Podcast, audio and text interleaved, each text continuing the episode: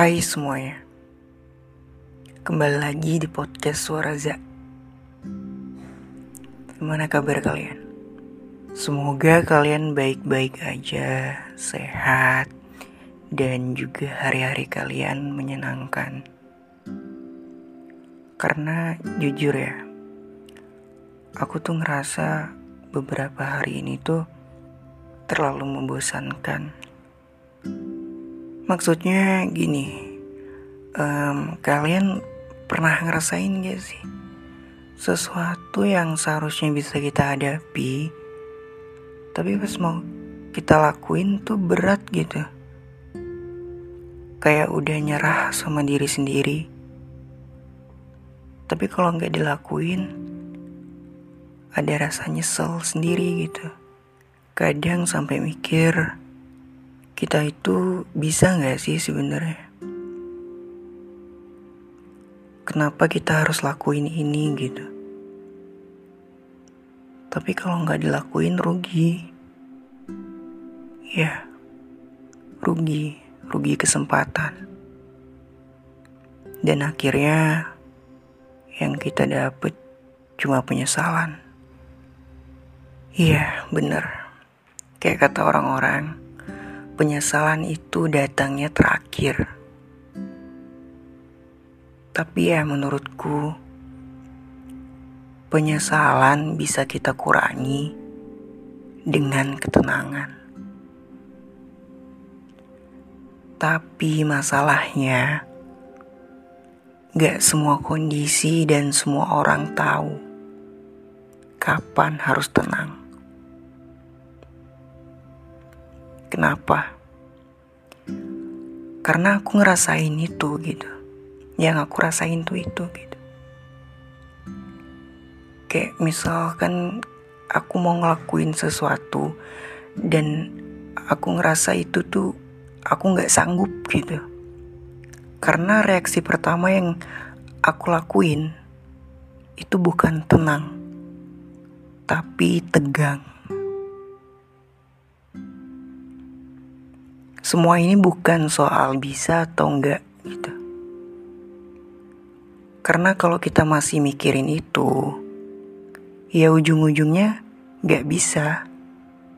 Ujung-ujungnya kita juga nyerah gitu sama kondisi diri sendiri.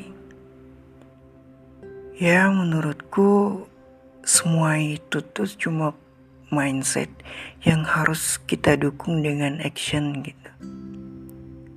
Karena gak ada gunanya mikirin sesuatu tanpa ngelakuin apa pun. Iya, tahu, tahu. Setiap sesuatu itu memang perlu dipertimbangkan. Tapi kalau nggak dilakuin, apa yang kalian pertimbangkan? Gini ya, naluri layaknya seorang manusia. Aku pun gitu ya, atau cuma aku nih. Kadang malas gitu ngerjain sesuatu yang sebenarnya nggak ada sangkut pautnya sama sekali sama aku. Tapi coba kita lihat kita pikir-pikir lagi gitu ya. Kita lihat dari berbagai sisi. Ternyata ada persentase feedback yang lebih gitu buat kita buat diri kita sendiri gitu.